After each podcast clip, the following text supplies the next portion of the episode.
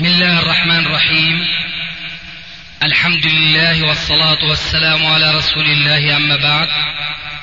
فهذا أحد أشرطة سلسلة الهدى والنور من الدروس العلمية والفتاوى الشرعية لشيخنا المحدث العلامة محمد ناصر الدين الألباني حفظه الله ونفع به الجميع. قام بتسجيلها والتأليف بينها محمد بن أحمد أبو ليلى الأثري. إخوة الإيمان والآن مع الشريط الواحد والخمسين بعد المئة السادسة على واحد. شيخنا بعض الإخوة المنهج الطيب آه، يمنع إطلاق الرجل على نفسه لفظ سلفي للتزكية التي فيه. فما يعني رأيكم في هذا؟ هي العلاقة بكلمة هل أنت مؤمن؟ فإن كان هذا الرجل من الجماعة اللي بيقولوا لا أنا ما بقول مؤمن بقول مؤمن إن شاء الله.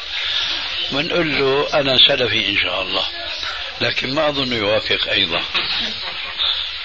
شو رأيك؟ وأنت تعرفوا. يحضرني قول لبعض التابعين لما سئل أنت مؤمن؟ ولعله يرد إشكال الآن على جواب السؤال. قال إن أنا يعني إن, إن عنيت الإيمان مقابل الكفر فأنا مؤمن. طبعا أما إن عنيت هل أنا تمثل في الصفات المذكورة في صفة المؤمنين؟ لا أرجو. أرجو. إن شاء الله. هذه كتلك هذا هو. نعم. وهذه هي هي. هي هي. هذه هي. المسألة أعتقد أن الذين يريدون هذا الإشكال هم أولا آه، من حزب من الأحزاب. إذا إذا هو الشيخ عبد العظيم يعني تحديدا كتب ورقة أو ورقتين آه، السلفية كما أفهموها. آه. وكانوا طلبت منه الجهات الأمنية أن يكتب أو أن يعني يشرح لهم ما يريد في السلفية. كتب ورقة ورقتين وكان آخر رسالته هذا ما قلت. ما نقلت عنه. نعم ما نقلت عنه. إيه. طيب لو سأله هذا المستنطق أو المستجوب هل أنت سلفي؟ شو بيكون جوابه؟ في ضم يقول نعم نعم في ضم يقول نعم أيضا هل زكى نفسه؟ قول هو هو عرفا الآن فلان سلفي يعني الحقيقة المقصود فيها منهجية تماما كما لو قيل هل أنت حنفي؟ هل أنت شافعي؟ هل هل إلى آخره؟ لكن هذا شيء والشيء الآخر هل أنت تعمل بمقتضى ما يطلبه منك مذهبك أو حزبيتك أو سلفيتك؟ فهنا سيكون الجواب بحذف. احتمل هذه وتلك ها؟ شيخنا بالنسبة لكن بعض الناس وهذا كثيرا ما نسمعه وكما يقال إن أنسى فلن أنسى وأنا في الجامعة الإسلامية في أول إنشائها أدرس فيه مادة الحديث وأحيانا فقه الحديث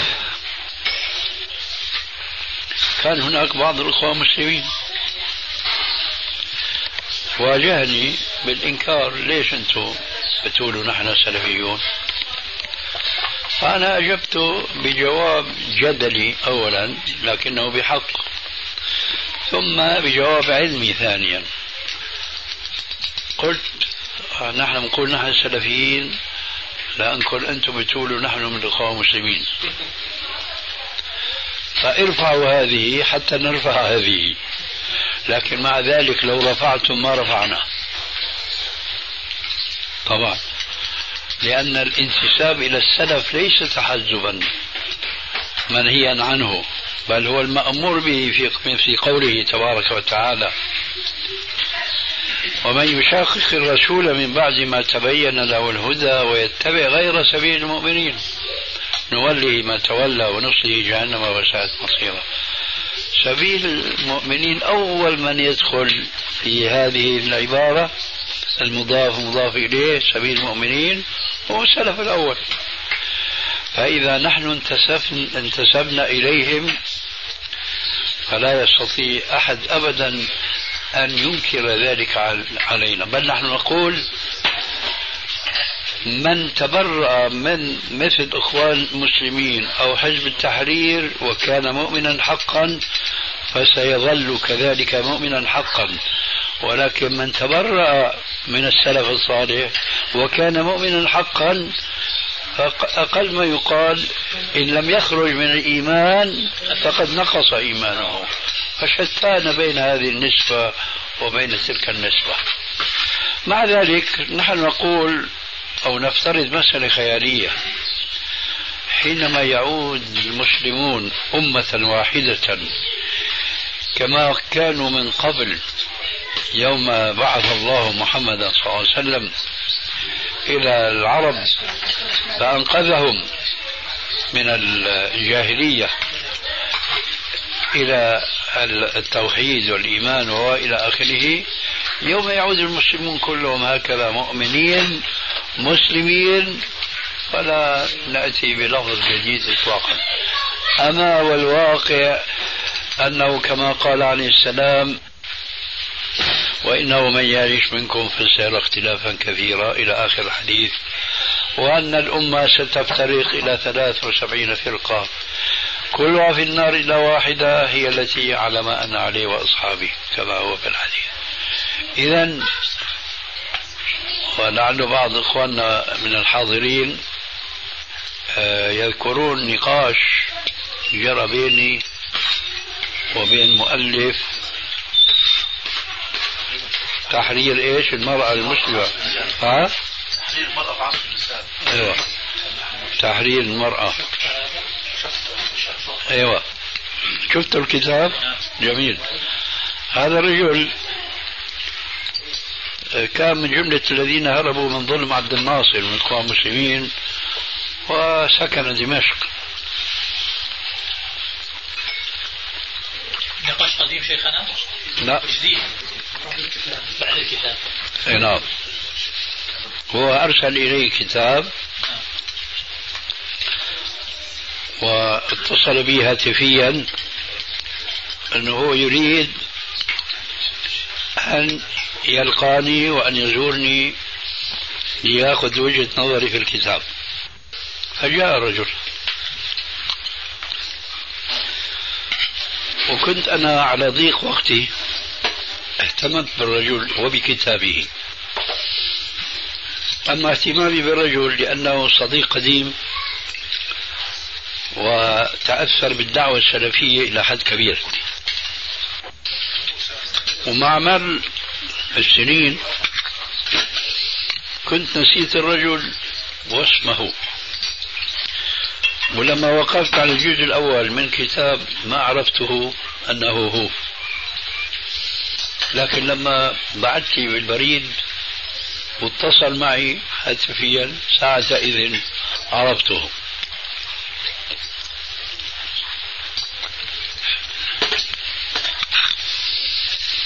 هذا أولا. ثانيا وجدت كتابه خطيرا جدا. وبخاصة أنه قدم له من قبل شخصين لهما مركزهما الآن في العالم الإسلامي أحدهما الغزالي والآخر قرضاوي.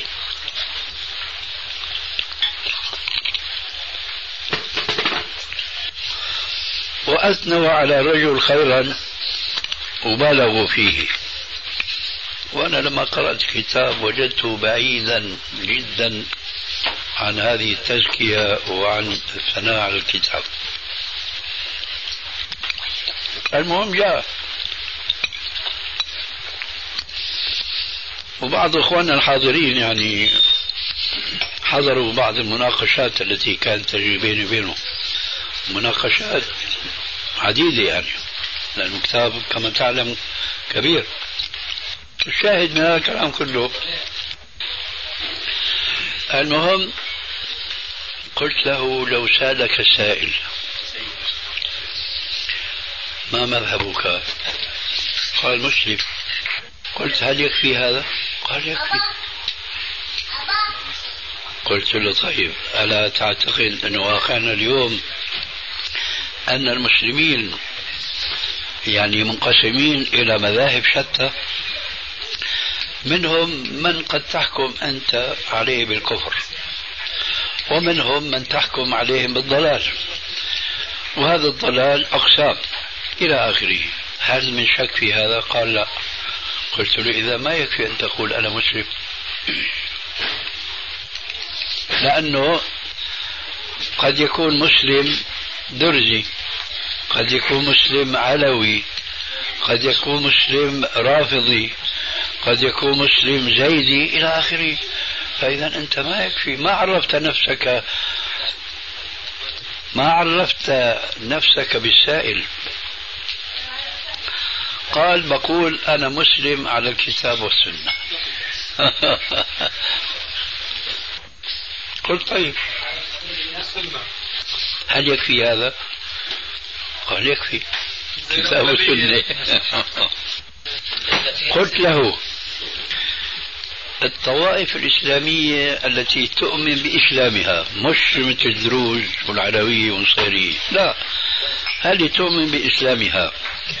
ما أظنك مثلا تكفر الشيعة. قال هو كذلك. طيب الشيعة وغيرهم.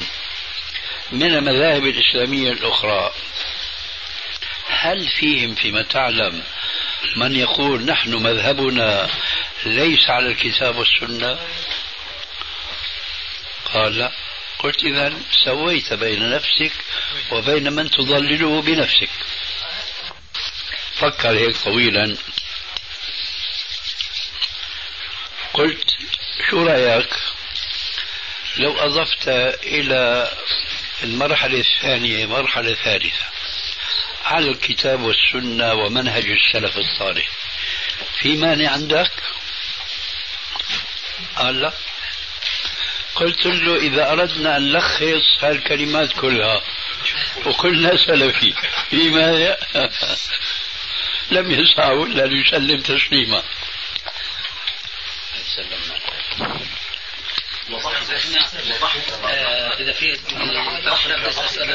ضحك آه كنت حاضر أنت. بمناسبة ذكر الكتاب شيخ آه. يعني أخطر ما دعا إليه تحذر الناس منه الكتاب منتشر لا سيما عند المثقفين الثقافة العصرية الغربية اللي فيها حداثة. هو توسعه في إطلاق الحرية للمرأة أن تعمل إلى حد يعني كالرجل. الاختلاط هذا هو. الخلوة بحث الخلوة كتاب.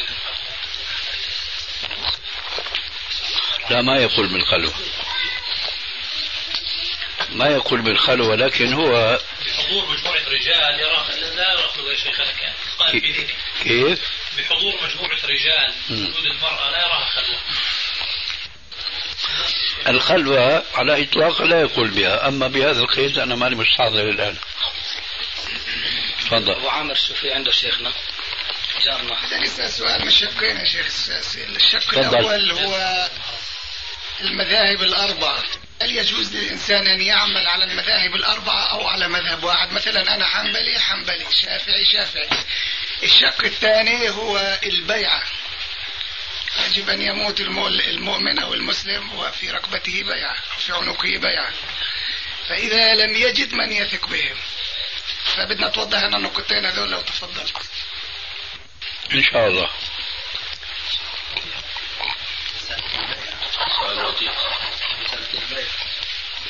الحمد لله.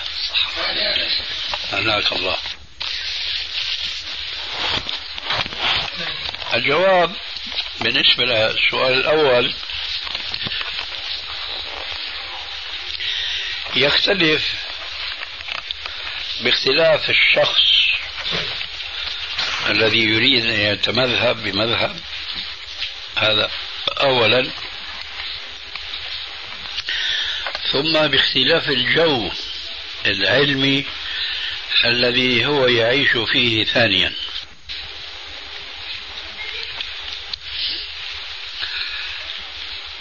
خلينا نقرب المسألة بمثال بسيط جدا.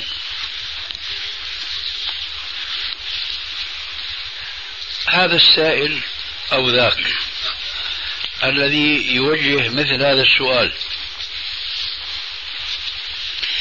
يعيش في قرية بسيطة.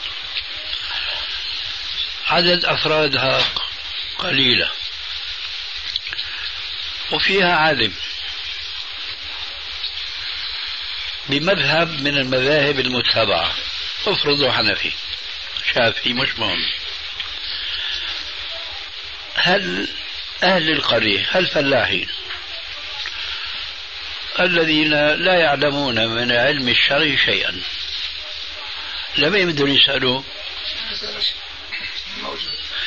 هل يمكنهم غير ذلك؟ لا. لا. قرية ثانية مثل أو أحسن منها أكثر نفسا. فيها عالم ثاني لكن على مذهب ثاني شو بيساووا؟ نفس القضية. الآن حنطور بقى. ننتقل لمس... لقرية ثالثة. فيها عالمين اثنين. هذا على مذهب وهذا على مذهب. حينئذ الفرد من أفراد القرية هذه ليس مكلفا أن يتبع زيد دون أمر ماشي؟ ليش؟ لأنه هذا يمثل مذهب من مذاهب علماء المسلمين وهذا كذلك. لكن لابد ما نوقف هنا قليلا. قبل ما ننتقل لمثال ثالث ولعله يكون الأخير أو قبل الأخير. أحد العالمين اللي في القرية رجل موظف في الدولة والآخر عالم حر طليق ومنضيف لزيادة البيان الموظف في الدولة ولا مؤاخذة حليق. وهذاك ملتهي. هذاك مش معروف بتدينه وصلاحه. الثاني على العكس من ذلك. معروف عند أهل القرية بصلاحه. لمين راح يسأل السائل من هذا الرجلين ما هو هيك؟ إذا هذاك أصبح ما له قيمة. صحيح أنه نحن عم نتكلم عن قرية فيها عالمان. لكن من حيث النتيجة رجع الأمر بالنسبة لموقف السائل إلى أنه ليس في القرية إلا عالم واحد. صح؟ طيب. الآن نرجع للمثال الثالث. في ثلاث علماء. واحد حنفي واحد شافعي والثالث طبعا هو ال ال ال الأمثلة تتكرر بس لازم نختصر. بدل ما أقول لك قرية ثالثة فيها حنفي وشافعي ومالكي وبعدين قرية رابعة فيها من المذاهب الأربعة لا راح نختصر الطريق. لنصل للهدف بأقرب طريق. القرية الثالثة فيها عالم حنفي وعالم شافعي وعالم سلفي. شو معنى بقى عالم سلفي يعني ما بيقلد مذهب من المذاهب الأربع فقط. ما بيحط هيك أمام عيونه ما يشوف إلا طريق ضيق أمامه وإنما مثل ما ربنا خلقه. بيشوف من كل جنب من كل ناحية. هذا العالم السلفي بيدرس المذهب الحنفي وبيدرس المذهب الشافعي وبقية المذاهب. ثم يأخذ منها ما هو الأقرب للكتاب والسنة. أي هذين العلماء هؤلاء العلماء الثلاثة بيكون أهدى سبيلا وأقوى مقيلا آه الأول أم الثاني أم الثالث؟ يكون حكمه أقرب إلى الكتاب والسنة. أحسن إذا هذا واجبه يسأل الثالث ما يسأل الثاني؟ ولا الأول ولا الثاني. واضح؟ مم. وهكذا الآن يجب أن يعيش المسلم في حياته العلمية. فأنت الآن موجود في عمان. وكنت ربما موجودا في الكويت والى اخره لابد في بذهنك العالم الفلاني والعالم الفلاني وإلى آخره. ولكل من هؤلاء أتباع ومقدرين. لعلم وفضل إلى آخره. فأنت إذا الآن واجبك أنك تضع الميزان اللي قربنا لك الموضوع. مش مجرد ما قالوا لك عالم. خوش عالم يلا سألته عن القضية اللي بدك إياها. لا بدك تعمل موازنة. أولا هل هو عالم تقي؟ ولا ليس بالتقي. وهذا ضربناه في المثال السابق. بعدين هل هو عالم مذهبي؟ ينظر نظرة محدودة جدا مش النظرة الواسعة. آه عالم محدود لكن عندك عالم مطلق. هذا العالم مطلق اللي سميه نحن السلفي كمان على ضوء التفسير السابق. بدك تنظر في عالمين سلفيين واحد عامل بعلمه والثاني لا يعمل بعلمه. يمكن جعل العلم تجارة منصب وظيفة تصدر الأماكن إذا دخل مجلس قام له الناس إلى آخره. كل هذا يجب على أفراد المسلمين من عامة المسلمين أنه يكون قائم هذه التفاصيل في ذهنه حتى يستطيعوا أن يطبقوا بحق نصا واحدا في القرآن الكريم يتعلق بهذا الموضوع ألا وهو قول رب العالمين تبارك وتعالى فاسألوا أهل الذكر إن كنتم لا تعلمون. أنا اللي دفعني لهذا السلام عليكم. شخص جلال وبيقول يجب أن تكون على مذهب. لا هذا هذا حنبلي أو شافعي يجب. هذا جاهل شكرا. سؤال جواب للسؤال الثاني. لكن شيخنا مداخلة على جزاكم الله خير. يقول البعض أو يقول بعضهم. نعم. لا يخفى يعني سعة الفقه الإسلامي وكثرة مسائله وكثرة مسائله وتفريعاته. آه، مع الالتزام بما تفضلتم به ينصح بعض ال- المذكورين بالخير الذين هم بعيدون عن التعصب بأن يمر الإنسان على مذهب معين فيقف على رؤوس المسائل إن لم نقل على تفصيلاتها ويمر على الإسلام جملة بسائر أحكامه ويعلم حكم يعني ال- الأحكام الشرعية على هذا المذهب بكافة التفصيلات. وإن بلغه نص يخالف ما قرأ فيقف عند النص ويبقى آه، يعني على ما هو عليه. بمعنى أنه يلزمه أن يعني يمر على جميع الفقه. على جميع الفقه. على جميع الفقه. وبلا شك أن الفقه المذهبي من حيث المرور بالجزئيات والتفصيلات أسهل بكثير من تمحيص كل مسألة بالأدلة والنظر فيها وقد لا يتمكن الإنسان من هذا. فيخير من أن يبقى بين يعني كما يقولون ما لا يدرك كله لا يترك جله. ما تقويمكم لمن ينادي بمثل هذا الأمر؟ جزاكم الله خير.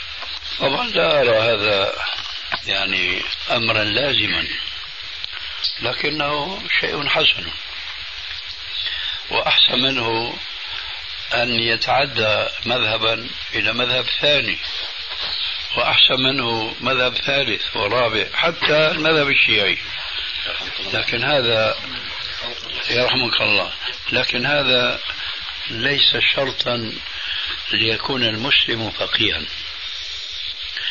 هذا كما أشرت في كلامك قد يسهل عليه الوصول إلى معرفة الحق مما اختلف فيه الناس.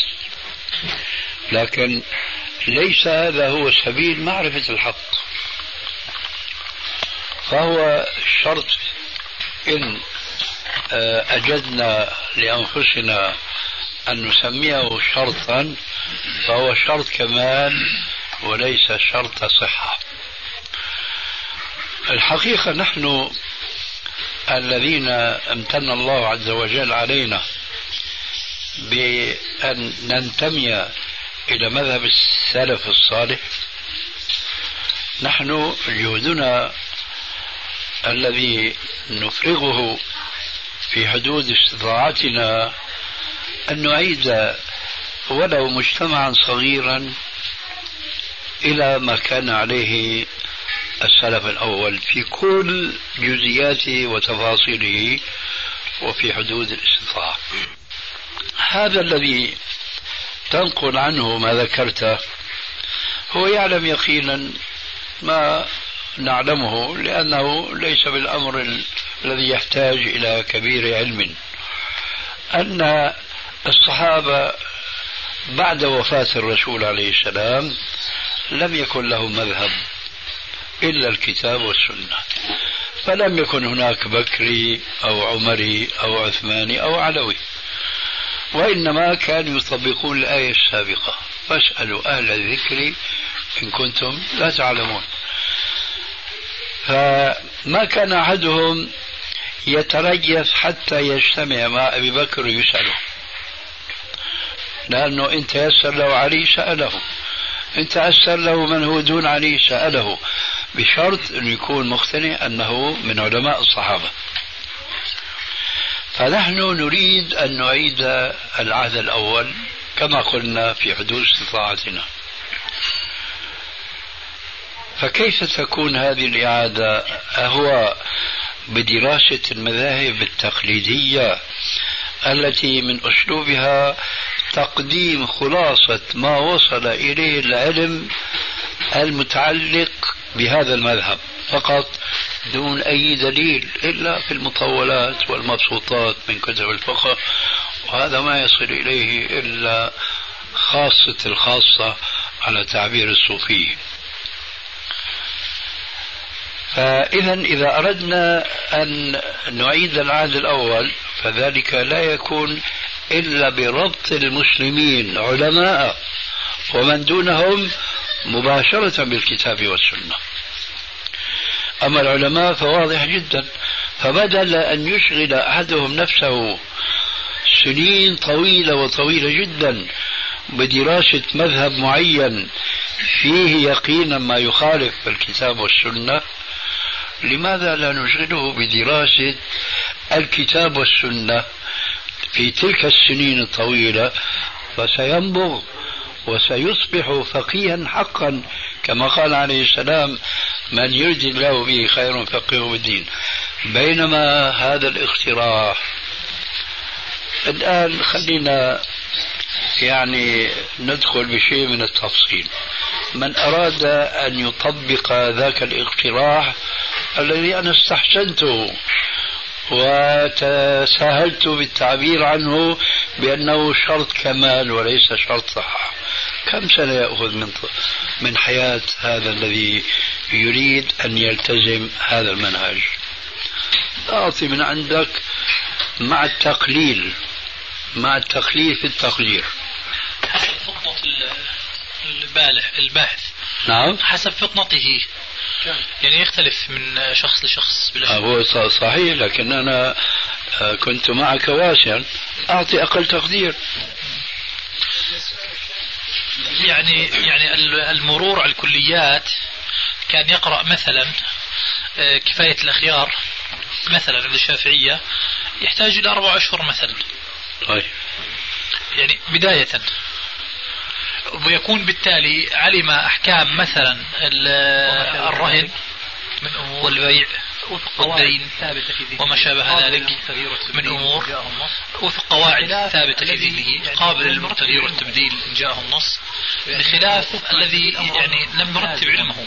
ولا بد منه. يعني الوقوف مع الدليل أمر لازم. فضلته ولا بد منه. لكن يعني ترتيب العلم. فضلت فيه الربط الكتاب والسنة هو الاصل بلا شك لأنه هذا هو التشريع.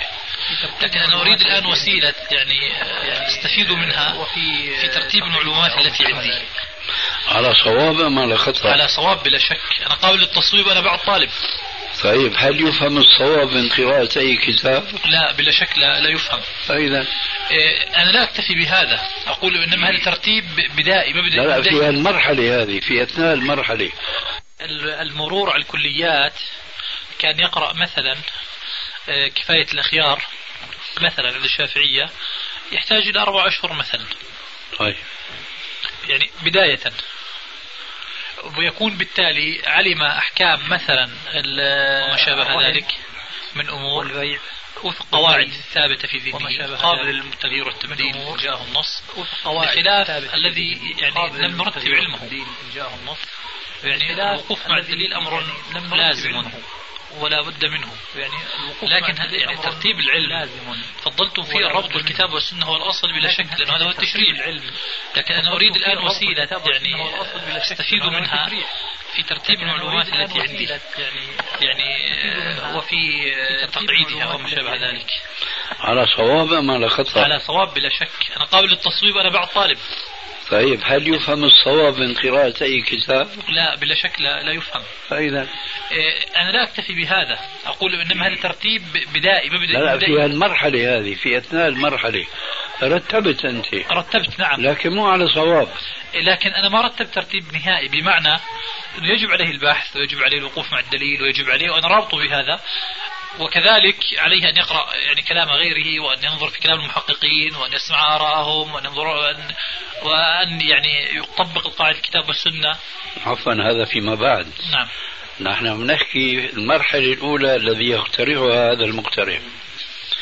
أنت بتقول أربعة أشهر. كم سن هذا الذي يريد أن يقرأ كتاب هذا في أربعة أشهر؟ وكم مضى عليه من الدراسة ل- لعلوم أخرى. كم يكون سنه؟ منقطع مرحلة معينة تعليمية. معلش في العشرينات يعني أعطي يعني. العشرينات. إيه عشرينات.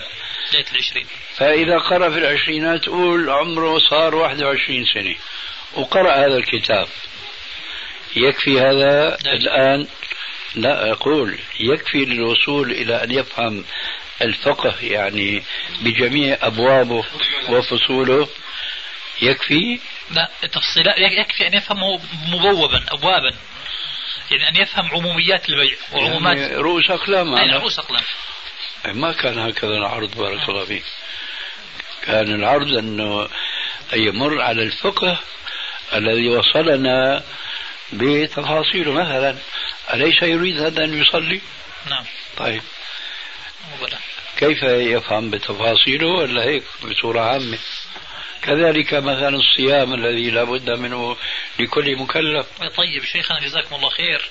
كثير من المصنفات المحققة في الأبواب موجودة وسهلة. يعني كتابكم جزاكم الله خير في صلاة النبي يغني عن بحث طويل. ويرشد إليه بداية لوجوده. لكن ال- ال- الكلام في الشيء غير الموجود. يعني الآن نريد طالب علم مثلا وللأسف على ساعة المكتبة الإسلامية في كثير من الأبواب الكلية ما يست- يستنصحنا كثير من الأخوة ومن الطلبة لا نجد لهم مثلا مرجعا ينصحهم فيه في المعاملات البيوع مثلا بل في الزكاة. يعني لا نجد كتابا في الزكاة يعني نستطيع أن نقول للأخ طالب العلم مبتدئ ونقطع عليه ما تفضلتم المشوار الطويل كما قطعناه في صلاة هذا هذا حجة على من يقدم ذاك الاقتراح. تدري لما؟ لأنه اشتغال هؤلاء الخلف بمثل هذا التراث هو الذي أوجد النقص الذي أنت تشكو منه أليس كذلك؟ بلى في وجه في جانب لكن حقيقة في الفترة الأخيرة كما لا يخفى عليكم هجر الفقه وانتبه إليه الناس من جديد. يعني طيب والفترات الماضية. هو هذا ما تفضلتم به. طيب خلصنا نعم. فإذا ما هو العلاج؟ بارك الله فيك. وفيكم ليس العلاج أن نبلي الناس بدراسة فقه تقليدي.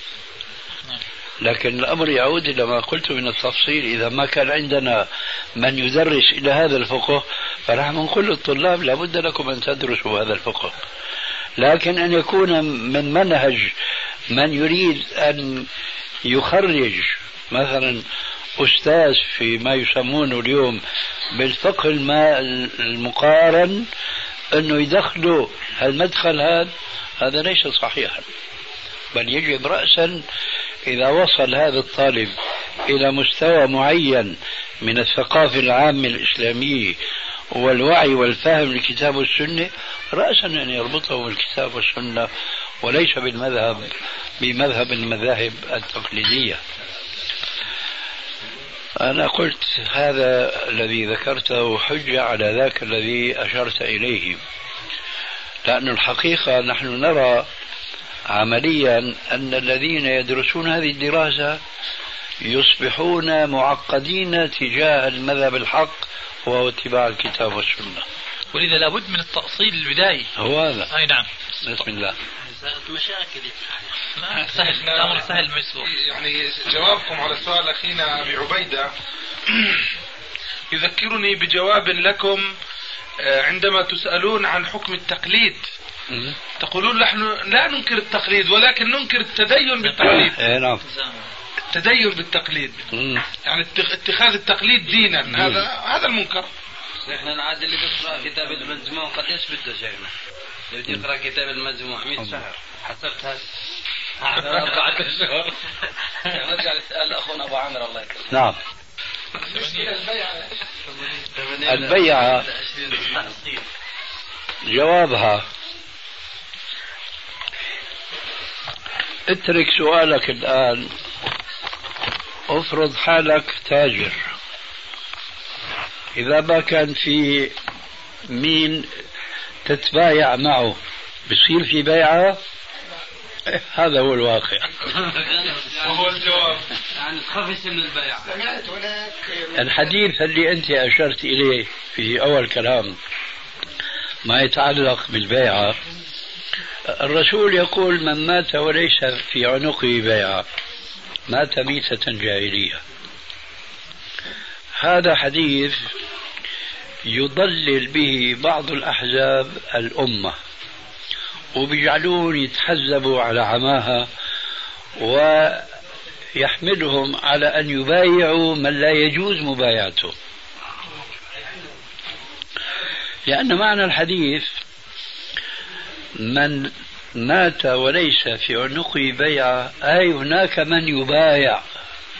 وأنت تبقى رأس حالك وتعيش مفارقا للجماعة. فمت لا سمح الله على هذا. مت ميتة جاهلية. أما والمسلمون كما تراهم. متفرقون. أحزاب مذاهب إلى آخره. لمن يتبايع يا أخي. ما في واحد تبايع أنت وياه. واضح؟ مم. اسمح لي بسؤال أخير يا شيخ ما هي بشارة هي؟ هي كلمة السؤال الأخير ما هي بشارة؟ يقال بأنه لا يتم إسلام إنسان بالصلاة أو الصوم أو الحج ما لم يعمل على تحقيق العدالة الاجتماعية والاقتصادية خاصة إذا كان في موقع المسؤولية. برالة قطع النصوم شيخنا. صلاة.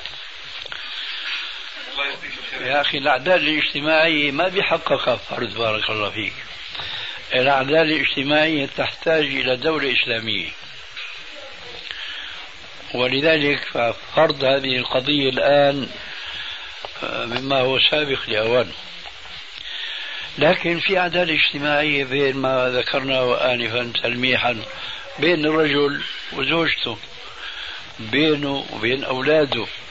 بينه وبين جيرانه. إيه هذا هو الإسلام. شو بدنا بعدالة اجتماعية فلسفة غربية؟ وردوا إلينا ألفاظهم وصدرنا نحن إليهم آه، يعني شريعتنا وأحكامنا وإلى آخره. مثل الرفق بالحيوان. شو بيعرف الكفار بالرفق بالحيوان؟ وهم لا يرفقون بالإنسان. كما ترون. لكن من عندنا نبع الرفق بالحيوان ما في عندهم ولا أثر. أثر ينقلونه عن نبي من أنبيائهم أو عن صالح أو عن رجل كبير. كلها تنبو من نبينا وسلفنا الصالح. لكن مع الأسف نحن يعني لم نعد نقدر ديننا وشريعتنا حق قدرها. فأصبحنا عالة على الذين استفادوا منا. فنسينا نحن شريعة ربنا وتمسكوا هم بشيء من شريعتنا وهم لا يؤمنون بها. ها؟ نحن على شفا حفرة. على شفا حفرة. نسأل الله ينقذنا منها. تفضل. إيه، السؤال الثاني مسألة قد خضت في هذه المسألة كثيرا ولكن بس باختصار شديد جدا. ولا أريد أن أثقل عليك ولكن إيش؟ ما أريد أن أثقل عليك يا شيخ. عفوا ما في إثقال مسألة التنظيم كجماعات إسلامية وما غير ذلك. إيه، مسألة التنظيم وإيش حكم التنظيم؟ بس دليل واحد فقط من السنة الصحيحة. جزاك الله خير. قنوة يا شيخ آه نعم. آه إيش قلت آه أخيرا؟ دليل واحد. دليل واحد. من السنة الصحيحة فقط. بعد أن نفهم آه، ما يجوز من التنظيم وما لا يجوز ربما يرد سؤالك أو طلبك للدليل الواحد وربما لا يرد هذا الطلب. يعني يسقط اوتوماتيكيا. لننظر. اولا ما هو المقصود بالتنظيم الذي جاء ذكره في السؤال؟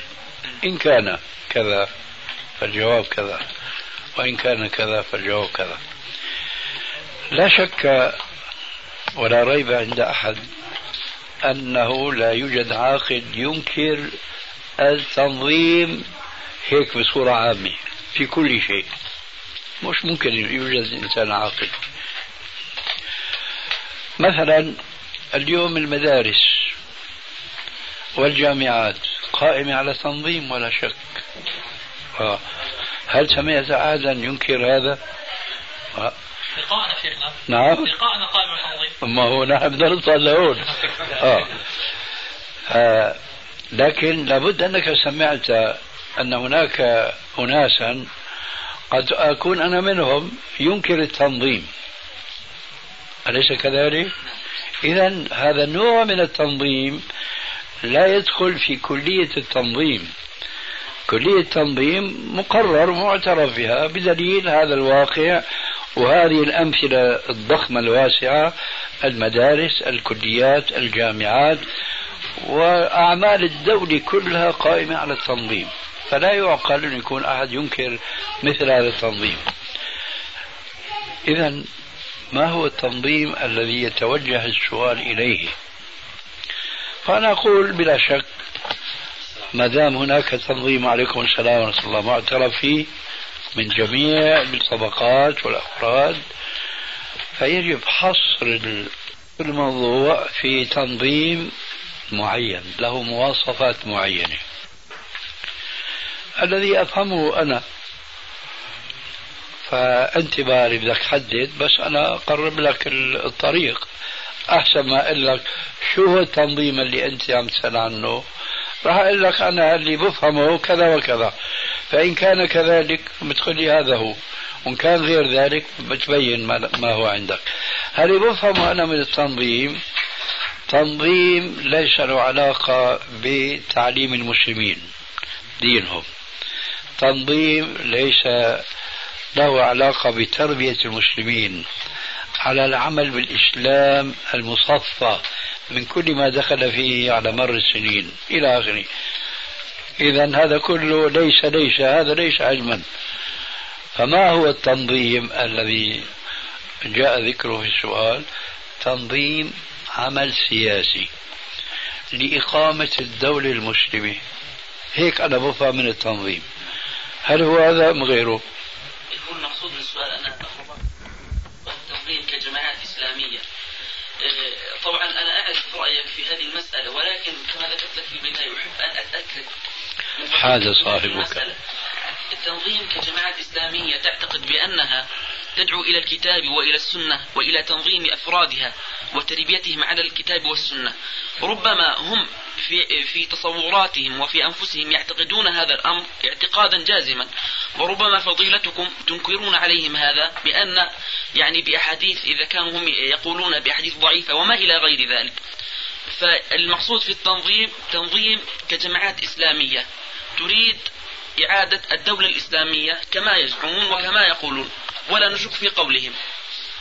إيش الفرق بين كلامك والخلاصة التي قدمتها لك؟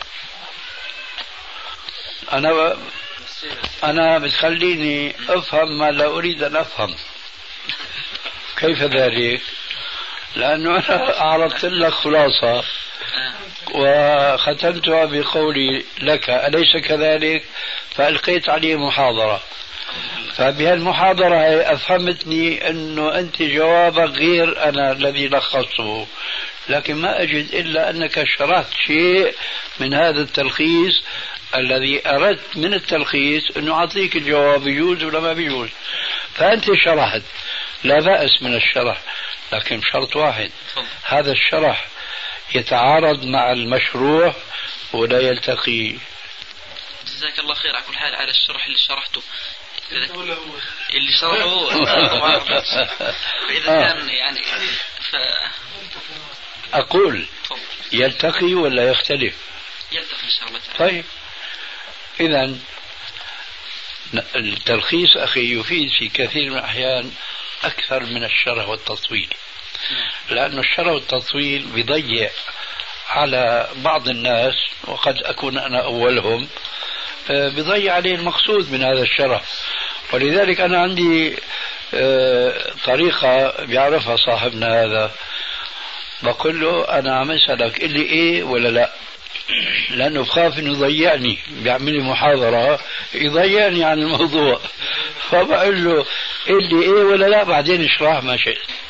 فإذا قال لي نعم عرفت الجواب نعم. قال لي لا وبده يشرح بنتبه بقى إنه هو بده يوصل لشرح لا. أنا آخذ انتباه سلفا لا. يمكن يحكي يحكي يرجع إلى بلا مش إلى لا.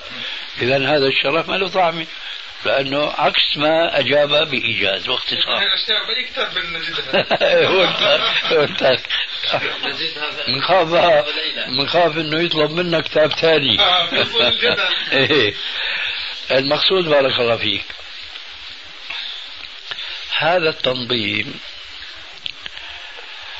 هو تنظيم دولي مش تنظيم أفراد ولا تنظيم جماعة أو أحزاب. هذه الجماعات أو هذه الأحزاب الواجب عليها الآن غير هذا اطلاقا. نعم. الواجب عليها العلم النافع والعمل الصالح. و خير ما نذكر به بهالمناسبة أمران اثنان آية في القرآن وسيرة الرسول. عليه الصلاة والسلام. أما الآية فقوله عز وجل لقد كان لكم في رسول الله أسوة حسنة لمن كان يرجو الله واليوم الآخر. أما سيرة الرسول عليه السلام فهل الرسول أول ما بدأ بدأ بالتنظيم؟ أجبني الآن عشان تفهم من جماعة التنظيمات. هل بدأ الرسول بالتنظيم؟ قل, قل, قل ما عندك ما, ما يهمك. صواب نتأيد به. خطأ ندلك على الصواب. وهكذا. فنحن منتفعون دائما بالمناقشة والمباحثة. هل بدأ الرسول؟ انتبه للسؤال هل بدأ الرسول بالتنظيم؟ ما تجاوبني على طريقة حمد هون. قل لي نعم قل لي لا. بعدين أنا إذا كنت بحاجة إلى شرح بقول لك تفضل اشرح لي. هل بدأ الرسول بالتنظيم؟ لا. لا لا أب أبدا. لأنه هي المقدمة بدك تروح يمين وشمال. شو بضرك هلا أنت تقول نعم أو لا؟ واشرح ما شئت؟ أنا أقول حسب فهمي نعم وقولك أنت حسب فهمك هذا اسمه تحصيل حاصل. ولا راح تحكي أنت حسب فهمي؟ ما في فايدة. حسب إيش فهمك انت على تعبيرك بدأ بالتنظيم. أنا بقول لك خطأ هذا الكلام. وما في مجال أفتح لك المجال إنك تشرح لي. لكن مع ذلك أنا باعتباري سوري يعني أخذت عزوه من سوريا لكنها طيبة غير مضرة. وهي هذه ما بيجي معك تعال معه. فأنا أرى أنه ما في فائدة تلقين المحاضرة لكن حتى أنا كون واسع معك تفضل قل لي ليش بتقول أنه الرسول بدأ بالتنظيم؟ وأنا أرى هذا خطأ وسأبين لك. هات نشوف. سيارة ما حصلت اعذرني مرة أخرى اسمح لي بس نقدم البصير ما تفضل لا أنا قلت لك تفضل. إن شاء الله. تعالى في البداية يا شيخنا الفاضل أنا الحمد لله رب العالمين هذه أول جلسة أجلس معك. أهلا وسهلا. وكثير يعني ما نسمع عن علمك وما إلى ذلك. إن شاء الله تعالى يعني نجلس بين يديكم. يعني كطلبة العلم ونحن بعيدون عن هذه عن هذه التسمية. بارك الله فيك. الله يكرمك. أقول يعني حسب فهمي هذا البسيط أنه الرسول عليه الصلاة والسلام بدأ بالتنظيم ك- كبداية الدعوة سرا يعني عندما. عندما أرسل إليه... إليه الله عز وجل سيدنا جبريل عليه السلام أخذ يدعو الناس بالسر بطريقة السر واحدا تلو الآخر فكان كفار قريش لا يعلمون عن هذه الدعوة. أيضا يعني أنا اشبه هذه الطريقة بطريقة جماعات الجماعات الإسلامية اليوم. كانوا إيش يدعو الآن يدعون في بعضهم مثل خلينا نفرض مثل جماعة الجهاد الإسلامي. أو بما يسمى جماعة إيش؟ الجهاد الإسلامي يا أستاذ. طبعا آه، طريقتهم سر طيب ليش ما بتحكي لنا عن جماعة بلدنا ما في عنا ولا جماعة أو آه، جهاد إسلامي فيه بما يقال بجم... آه، بتنظيم جيش محمد عليه السلام قال في جماعة جهاد إسلامي هنا أعتقد موجودين في كل بلد أعلم. أو بتنظيم جيش محمد عليه الصلاة والسلام يعني ما سمي الآن في هذا الوقت. يعني تنظيماتهم تكون سرية وأيضا تكون- يعني دعوة محمد عليه الصلاة والسلام في البداية كانت سري ف- بطريقة السر فأفهم أنا من هذا من, من السيرة النبوية العطرة بمقارنة بهذا العصر وبما فيه من تضييق على الإسلام أن أن دعوة محمد عليه الصلاة والسلام كانت في البداية كشكل تنظيم. والله أعلم. فماذا تقولون في هذا القول؟ أقول كما قلت من قبل هذا خطأ. خطأ. معروف. لأنه الجواب الصواب وأظن راح توافق أنت بالمية مليون. أن الرسول حينما أول شيء بدأ به هو الدعوة إلى التوحيد. تقدر تقول لا؟ أفهمت نعم. فهمت. بدأ النبي عليه الصلاة والسلام يدعو إلى التوحيد الخالص. كويس. فالآن هؤلاء الدعاة. ذكرتك بالآية القرآنية. لقد كان لكم في رسول الله أسوة حسنة. لا ما أبغاه. أه، هل هم يبدأون بالتوحيد؟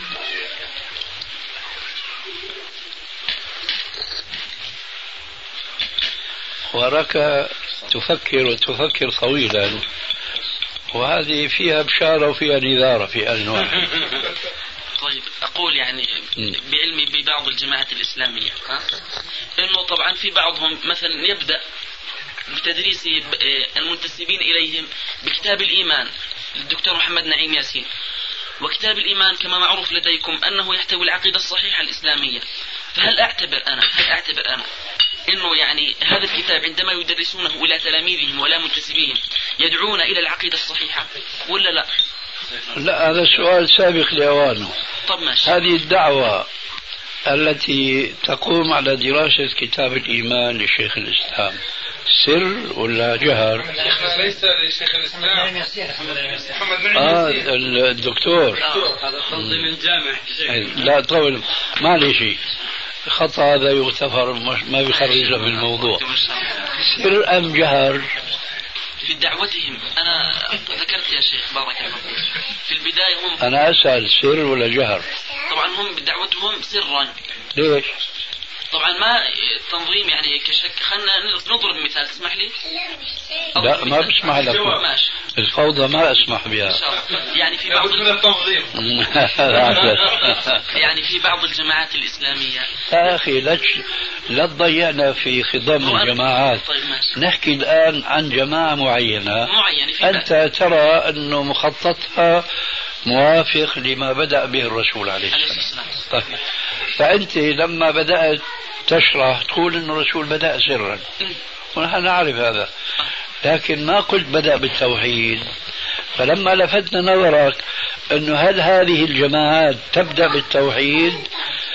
ما أجبت نعم وإنما أخذت جماعة واحدة منهم. وهذا من الفوضى في الحديث. تارة تحكي عن الجماعات وتارة تحكي عن جماعة. وهذا أنا بيشعرني أنك أنت مش قائم في ذهنك أن الجماعات قائمين كلهم على لقد كان لكم في رسول الله أسوة حسنة بدليل أنك ما بتجاوب جواب عام كما سألت سؤالا عاما وإنما تأتي بجماعة معينة وبتقول فلان بدرس كتاب الإيمان تأليف فلان إلى آخره. نعم. طيب. أنا أرى هنا الآن أنت متناقض أشد التناقض لأنه ابتداء جوابك كان اللي قلنا معلش تفضل إشرح أنه الرسول بدأ سرا. طيب هذا الكتاب يدرس سرا ولا جهرا؟ لا مو سرا جهرا. وين السرية في هذه الدعوة؟ ولئن كان سرا ولماذا سر. مين يعارضك اليوم أنك أنت تدعو إلى الكتاب والسنة جملة وتفصيلا؟ ثم حسب الناس اللي حولك. إن كانوا بحاجة للتوحيد تشرح لهم التوحيد. إن كانوا بحاجة إلى أن يعرفوا الصلاة إلى آخره. فلكل حالة يعني مقتضياتها إلى آخره. فالآن نرجع لأصل الموضوع. هل هذه الجماعات تمشي على خطة محمد عليه السلام من حيث أنه بدأ بالأهم فالأهم. هل هم يفعلون كذلك؟ لا تنسى سؤالك التنظيم. إن شاء الله تعالى. ماذا يفعلون في التنظيم؟ أنا يعني معك في الكلام اللي ذكرته قبل قليل. أنا سألت عن التنظيم كجماعات إسلامية. وعندما سألتني في العقيدة الصحيحة يعني ذكرت لك وجه الشبه بينهم وبين دعوة الرسول عليه الصلاة والسلام أنها سرا. أكيد أنهم يدعون إلى العقيدة الصحيحة. هذه هذه ملاحظة يعني وضعتها ببالي ما أعرف إذا كانت يعني أنا يعني ما نوهت إليه يعني لشيء معين مثلا غير اللي في بالك. فأنا عندما ذكرتني عندما ذكرت العقيدة الصحيحة ذكرت لك يعني جماعة واحدة تدرس هذا الكتاب. يعني حتى أثبت لك أنه أنهم يدعون إلى العقيدة الصحيحة طيب. يعني هذا السبب ذكري يعني لجماعة واحدة آه أنا دف... يعني خلينا نقول أنا سؤالي عن الجماعات كلياتها ولكن ذكرت فقط جماعة واحدة طيب. والجماعة الأخرى شو رأيك؟ آمنا هاي الجماعة يعني تدرس العقيدة ما أعرف الآن هذا هي هي. نبحث فيها بحثا آخر فيما بعد والجماعة الأخرى منظمين ولا لا؟ منظمين طبعا طيب هل على ما بدأ به الرسول يبدأون؟ عليه الصلاة والسلام. ما أعرف بالضبط. أنا يعني خلنا يعني أذكر جماعة تسمح لي أذكر اسم جماعة اللي أنا تكلمت عنها. أنا ما بيضرني. تسمح لي أذكر. تفضل. أنا أعرف يعني تكلمت أنهم يدرسون جماعة الإخوان المسلمين يدرسون من كتاب الإيمان للدكتور محمد نعيم ياسين. فأنا يعني سؤالي عن الجماعة بشكل عام ولكن ذكرت هذا هذا ال- الاسم آه بناء على معرفتي بهم. يعني إذا أردت أن نجعل تخصيص السؤال في هذه الجماعة لا حرج أو في تنظيم هذه الجماعة حتى يعني نتبين من بعد ذلك إذا كان تنظيم يعني. يا أخي لو كان دعواك محدودة في الجماعة ما في مانع نبحث فيها لكن أنت طلعت طلعة واسعة جدا. الجماعات وتنظيماتهم مش خصصت جماعة معينة بتنظيم حتى نخصص الكلام فيها ونحن معك نخصص الكلام فيها. لكن أنت ما كان موضوعك معين كان موضوعك يعني واسع. عام. أنا معك في هذه النقطة. وهي؟ إيه، إنه أنا موضوعي يعني طرحي للسؤال كان بشكل عام عن جميع الجماعات كويس. التي تعتقد بالتنظيم وبحل وبحلته. جميل. جيد. جيد. ولكن أنت عندما طلبت مني اني أوضح لك بالعقيدة الصحيحة المثال ضربت لك مثال جماعة الإخوان. أنا بقول جزاك الله خير. خلينا نرجع لأصل الموضوع. شو رأيك بتنظيم الجماعة الأخرى؟ هل ما بيدرسوا كتاب إيمان الدكتور ولا كتاب الإيمان ابن تيمية ولا غيره. شو رأيك في هذه التنظيمات؟ قائمين على أساس لقد كان لكم في رسول الله حسنة؟ على ما يقولون إذا يعني على دعواهم هم على دعواهم هم يقولون نعم. نعم. هذا سؤال جواب سؤالي أنا؟ أنت تطلب أنت رأيي أنا. ولا؟ مش رأيهم هم؟ بينما أنت أنا أعرف هذا. عرفت. أنا أعرف هذا. وبتعرفه بتحيد ما ما أحيد إن شاء الله. لك ليش بتقول على رأيهم؟ وأنت تعرف إنه بدي على رأيك. ما هو المشكلة يا شيخ أنا يعني وضحت لك في البداية. إن شاء الله عز وجل أنا أجلس بين يديك. متعلم إن شاء الله تعالى شوف يا محض. بارك الله فيك. الله. نحن اللغة هي ما بنحبها طيب أنك تجلس أمامي كأنك تلميذ ومطيع ما شاء الله وإلى آخره. هاللغة هي ما بنحبها إطلاقا؟ طيب. نحن بنحب المصارحة. إخوة الإيمان تتمة الكلام في الشريط التالي. نحن بنحب المصارحة. ما في فرق بيني أنا وأنا شيخ كبير كما تراني وبينك وأنت شاب ما شاء الله ناشئ إن شاء الله كما قال عليه السلام شاب وشاب نشأ في طاعة الله. لكن بنحب نحن المصارحة. أنت كان سؤالك شو رأيك في التنظيم؟ فعملت أنا محاضرة أنه التنظيم قسمين وإلى آخره.